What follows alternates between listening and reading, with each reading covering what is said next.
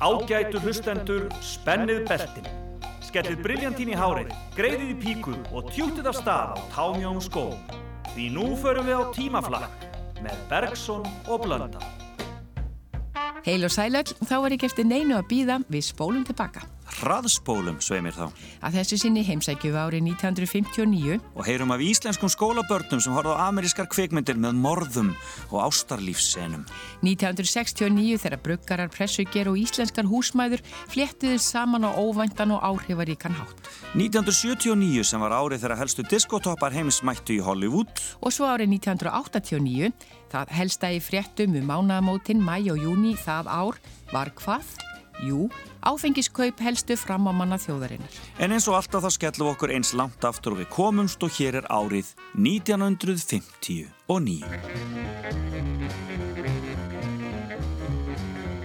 Þó að regni, þó að blási, ég skemmti mér Þó að lín og létt sem utan, ég skemmti mér Við skuldum skatta, við eigum með bíl Rafmagnið lokar Það er allt í stíl Þó að allir eigi hjá mér, ég skemmti mér. Þó að síminn sendir reikning, ég skemmti mér. Hvergi ég rapa, Þeir ríku græða, þeir blöggu tapa. Ef að hvítur ekki sekkur, ég skemmti mér.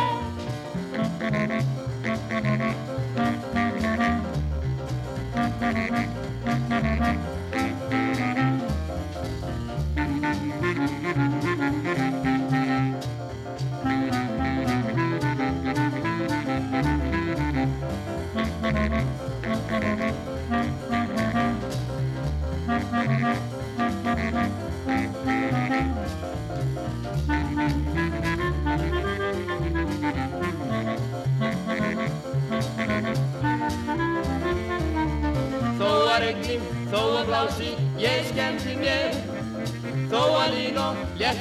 utan, ég skemmti mér. Við skuldum skatta, við eigum með bíl.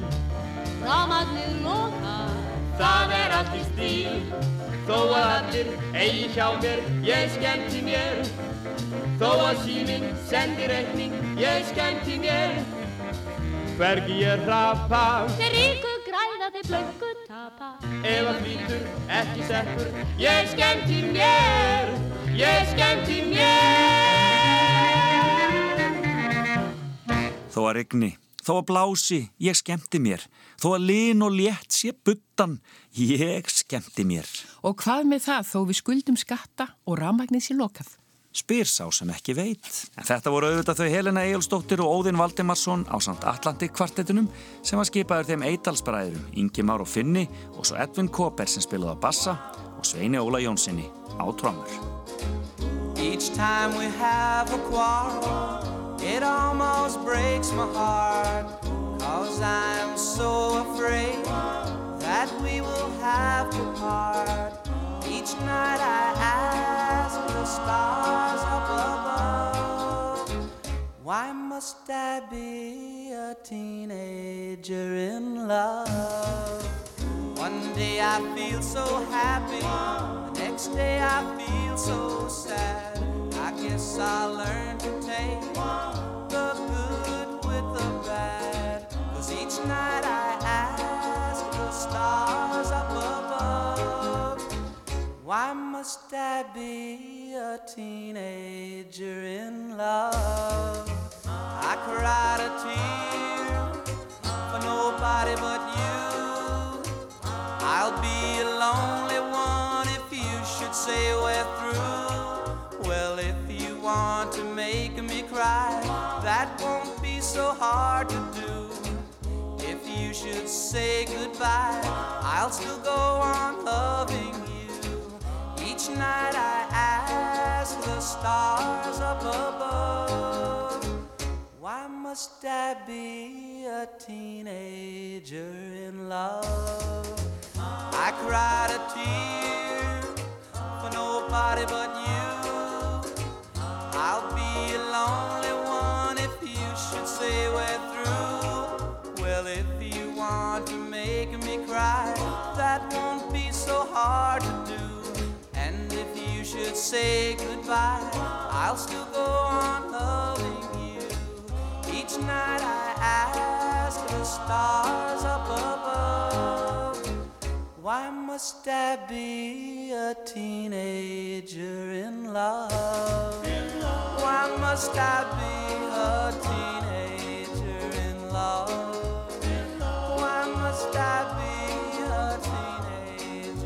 Morgumblaði 24. mæ 1959. Æskan er deg í fríðarsókninni, segja framgjarnir leiðtogar. Agnija Bartó var einn fjögura rúsneskar kvenna sem nýverið heimsóttu Íslands á vegum Mýr.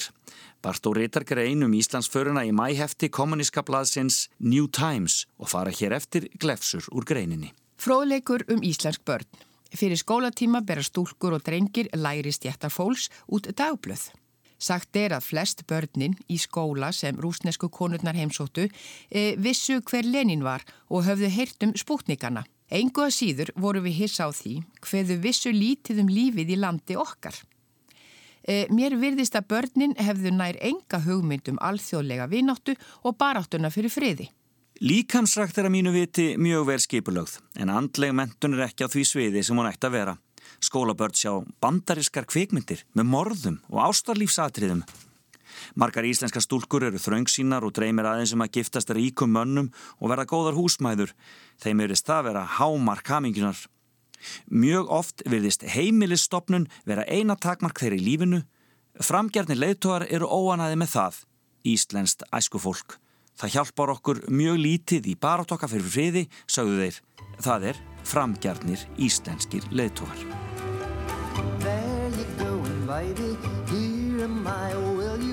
Left me here so I could sit and cry. Well, golly gee, what have you done to me? Oh, well, I guess it doesn't matter anymore.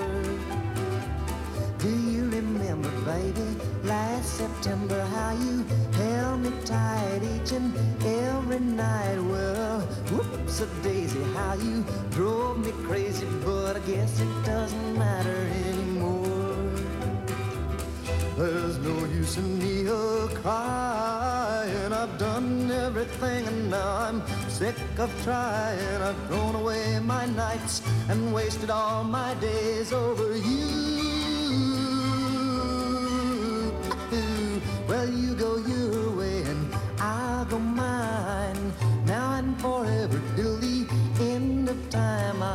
find somebody new, baby. We'll say we're through and you won't matter anymore.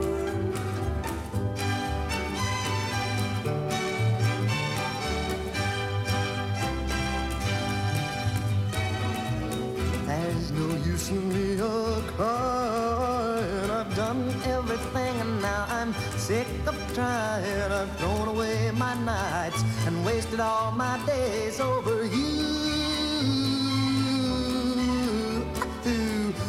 You go your way and I'll go mine. Now and forever till the end of time, I'll find somebody new, baby. We'll say we're through and you won't matter anymore. You won't matter.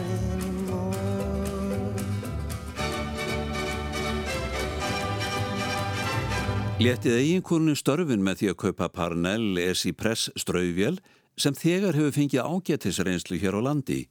Parnell Esipress strauðjar og pressar alls konar fatnað. Parnell Esipress er tröst og örug í nótkun indi allra húsmaðra sem hafa eignast hana. Parnell Esipress gerir störfin léttari og húsfreyjuna ánaðari. Pantanir Óskar Sóttar, Raforka Vesturgötu 2, síminni 24 330. Kansas City, Kansas City, here I come. I'm going to Kansas City, Kansas City, here I come. They got some crazy little women there, and I'm gonna get me one. I'm gonna be standing on the corner, 12th Street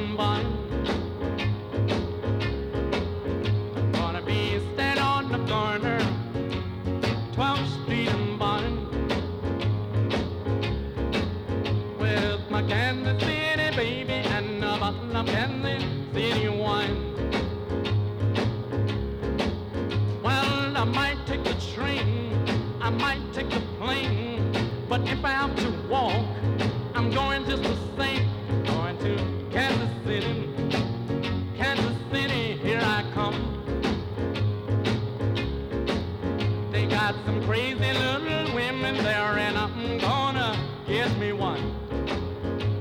but you know, yeah, must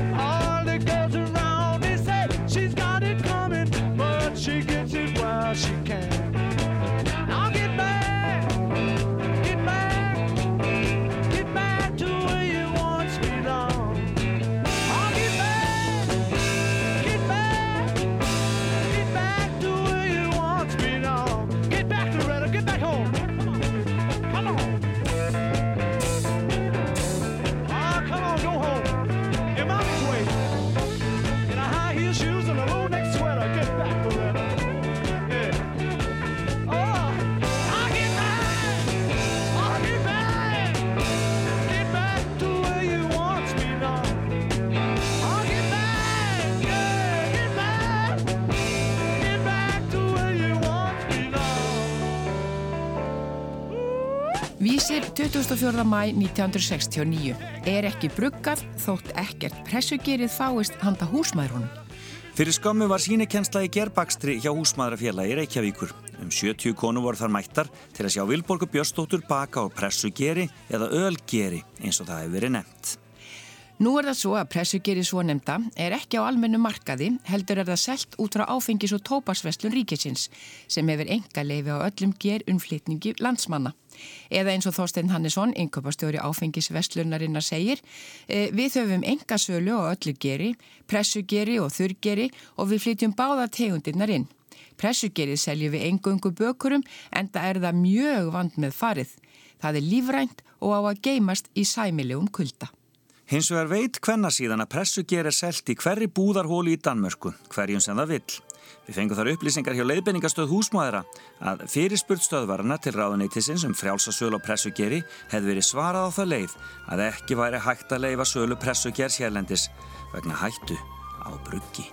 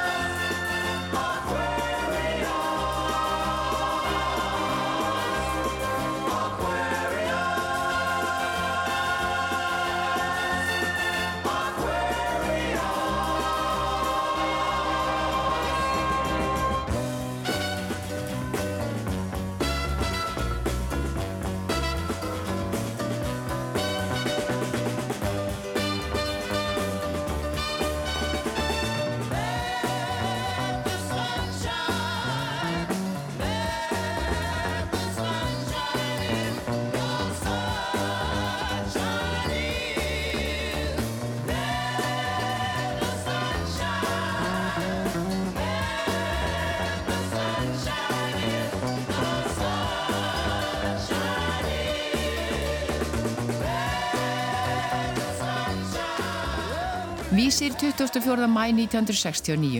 Búinn að nekja fjórum metum, nú eru sex eftir, sagði flugkonan Síla Skott við komuna til Reykjavíkur. Klukkan hálf sex í gerð lendi flugkonan Sheila Scott á Reykjavíkur flugvelli í enga reyfilsflugvel sinni af Piper Comanche 260 gerð.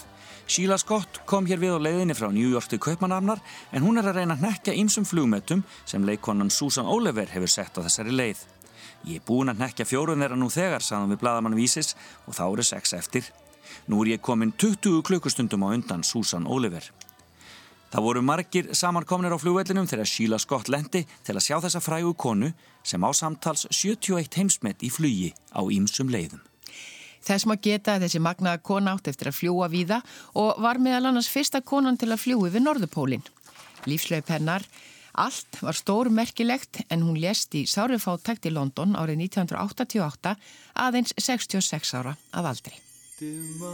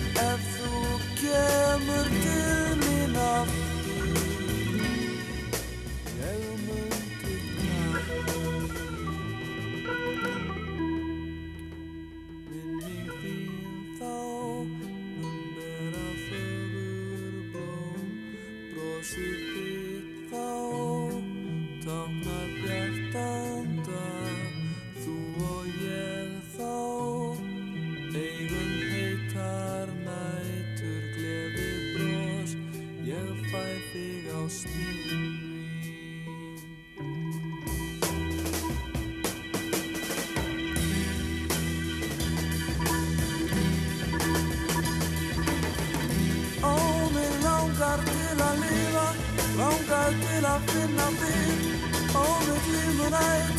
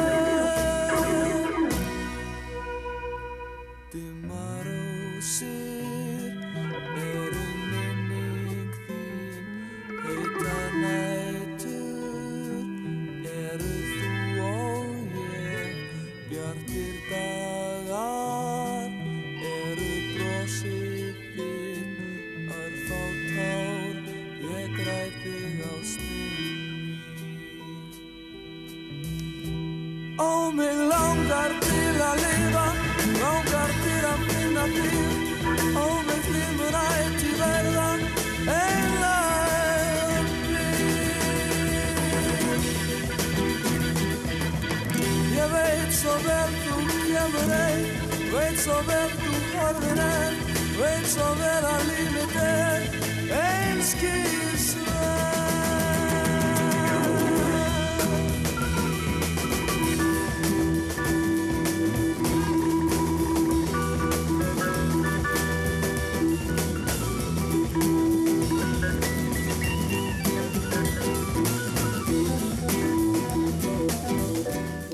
Frétti sjónvansins 24. mæ 1969. Magnús Bjartfreðsson á vettvangi um kvítasinu helgi. 1979. Þessi mynd er ekki tekin í óbyggðum og ekki heldur í mýrarfláka þar sem torfæru axturskeppni hefur farið fram. Þannig litu flatirnar í miðjum þjóðgarð Íslendinga á Þingvöllum út um hátegispilið í dag eftir að unglingar hafðu eitt þar hvítasununóttunni, margir undir áhrifum áfengis og tillitslausir ungir aukumenn kert um græslendið þvert og endiland. Svæði þetta blasir við frá þjóðveginum sem þeir verða að aka er ætla að skoða Láberg og Almannagjá en rétt er að taka það fram að þetta er sá hlutið þingvalla sem langverst hefur orðið úti. Þarna sátu margir fólkspílar fastir upp undir auksla. Raunar var lítið orðið um áberandi ölfun unglingana þegar hér var komið, en dóku lauruglumenn margar ferðir í nóttmillið Þingvall og Reykjavíkur með þá sem vestur voru en stöðugt komu fleiri fram í dagsljósið sem ekki var talið rétt að hafa ferli. Flestir tóku því vel þegar lauruglan tók þá úr umferð en orðnið þreyttir eftir gleðskap næturinnar en nokkur bröð voru að því í nótt að unglingarnir væri baldnir og þurfti að járna nokkra þeirra í bílunum. Voru þeir ímist fluttir heim til sín eða í fangageimslur. Annars tóku lauruglumenn það fram að flestir unglingana hefðu hegðað sér stikkanlega og að mjög lítið hefði verið um slagsmál þegar tillit verið tekið til fjöldans.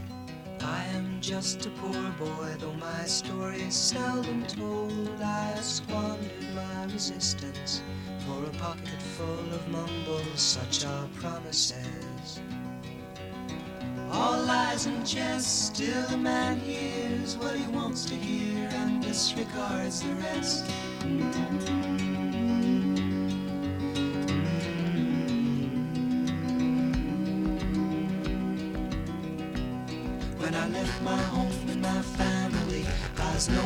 Than a boy in the company of strangers in the quiet of the railway station, running scared.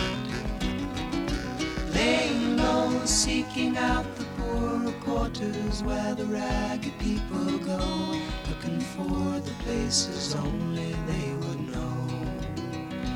La la la. La la la la la la la la La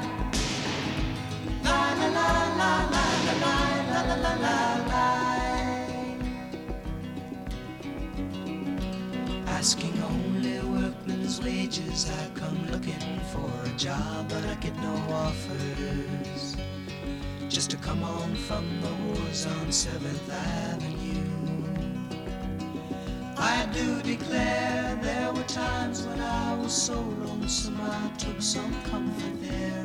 La la la la la.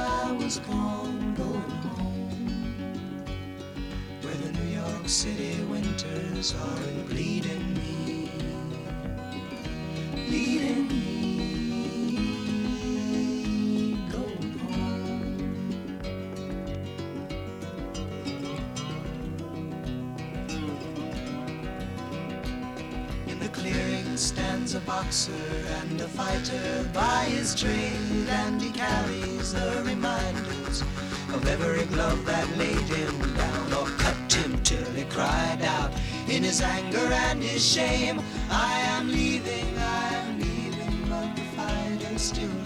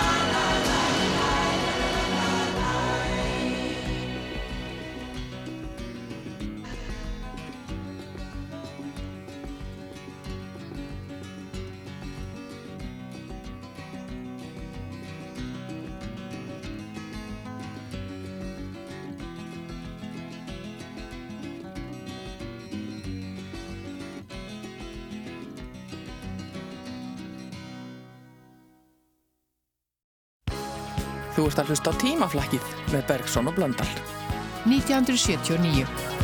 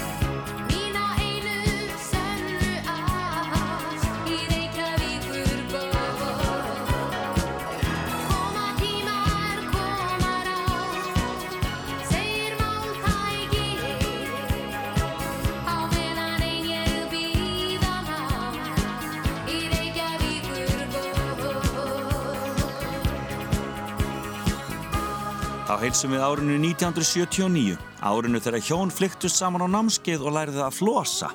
Þetta var tími smirna vegteppa og ríapúða. Fullkomnara verður það valla, flosandi hjón og glitrandi diskobólur.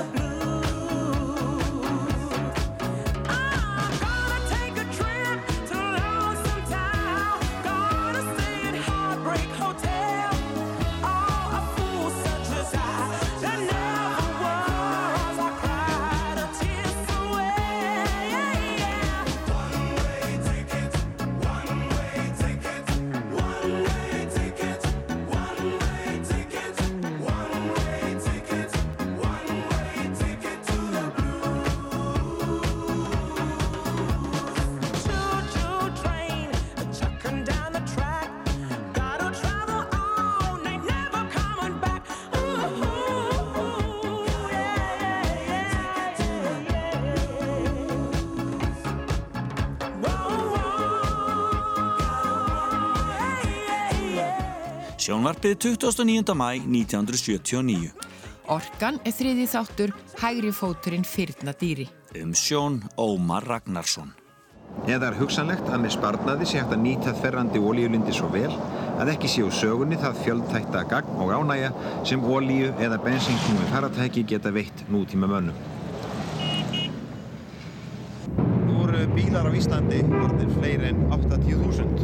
Og það gefur auga leið að það hlýtur að vera hægt að spara eitthvað bensín sem þessi bílar eyða. Þetta skiptir 20 miljardar á ári sem að íslenskir bifreiða eigendur eyða í bensín.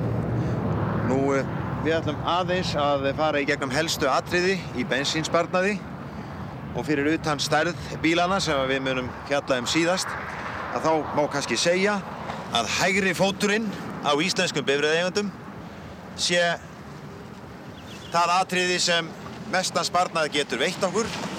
Það er sem sé þessi hægri löpp okkar sem eh, kostar íslenska bifreiðeigandur marga miljarda á ári.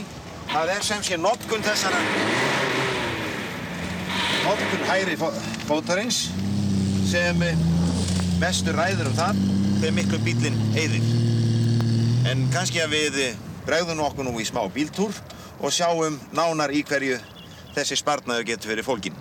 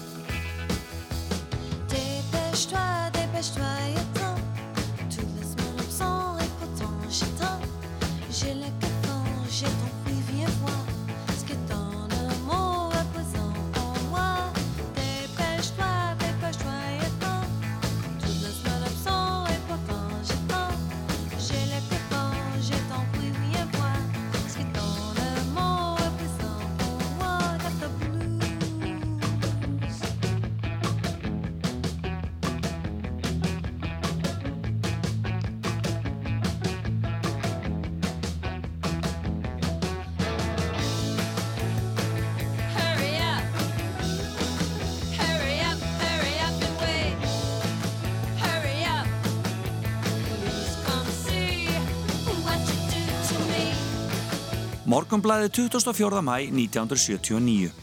Eir ugla á óðni eftir Björgun úr sjó.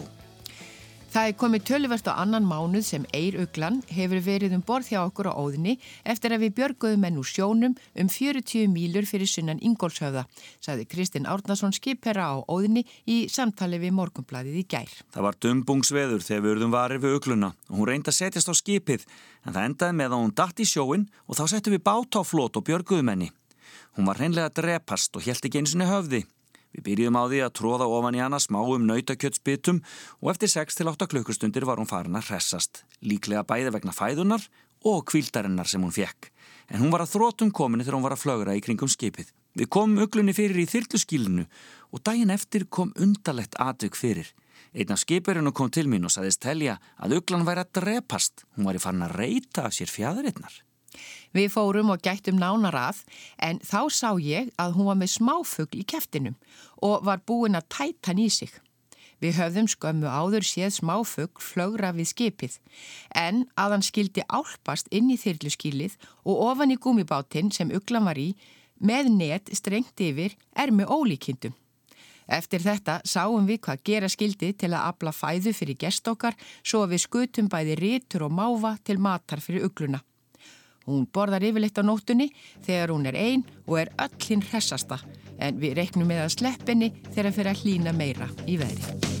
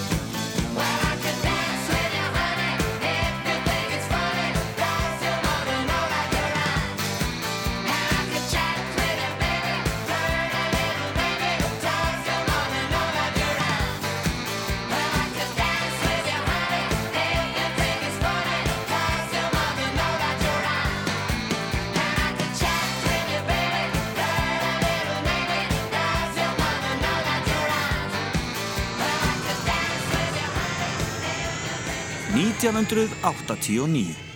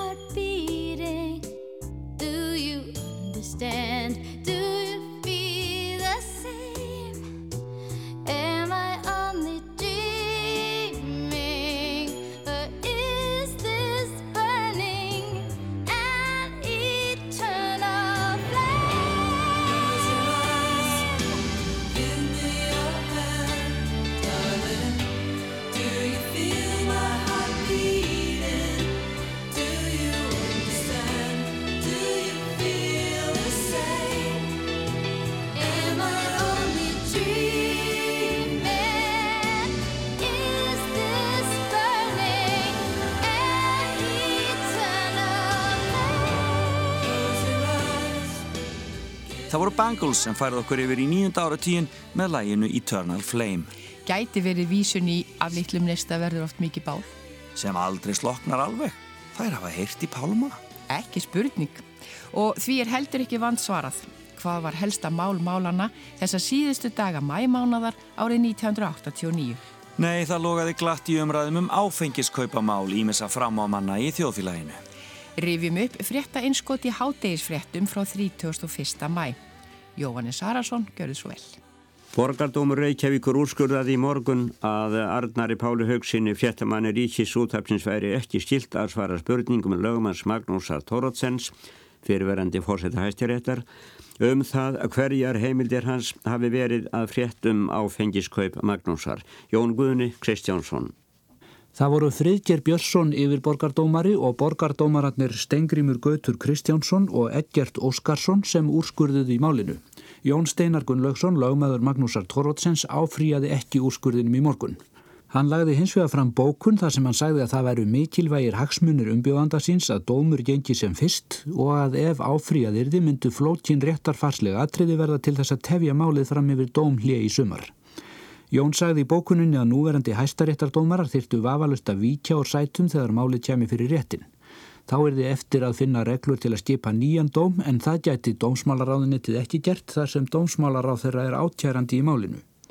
Jón Steinar neytaði sjálfur í réttinum í morgun að verða við áskorun ríkislögmann sem að gefa upp hver hefði útvegað honum gögn sem Jón lagði fram í réttinum í gær um áfengiskaup Stengrims Hermanssonar annars vegar og fjármálar á þeirra hins vegar árið 1988.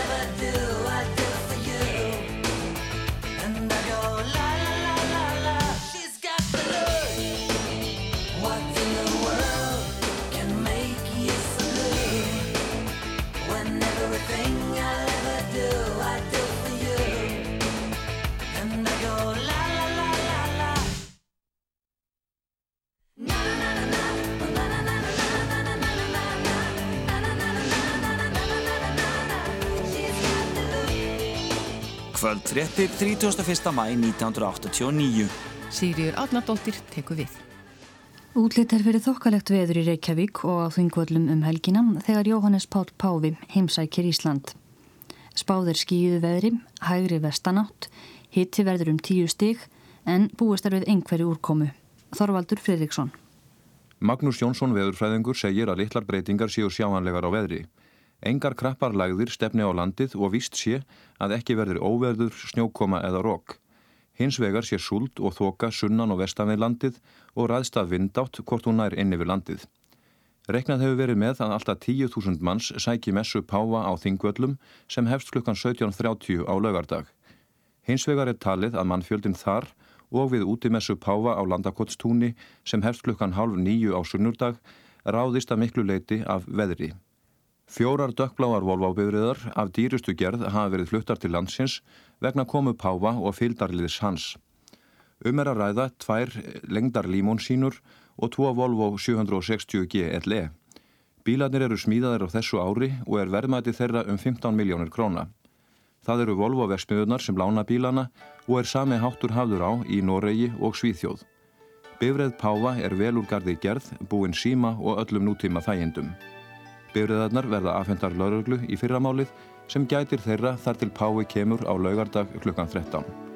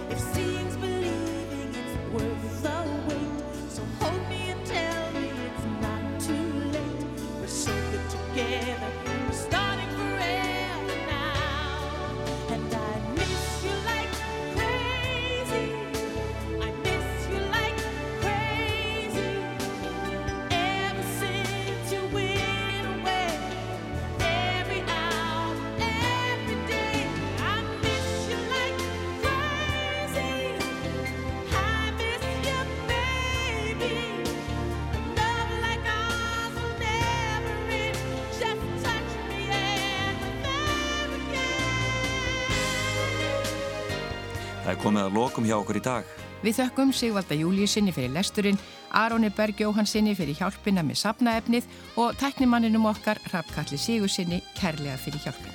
Við verðum okkar staði til viku. Takk ykkur fyrir.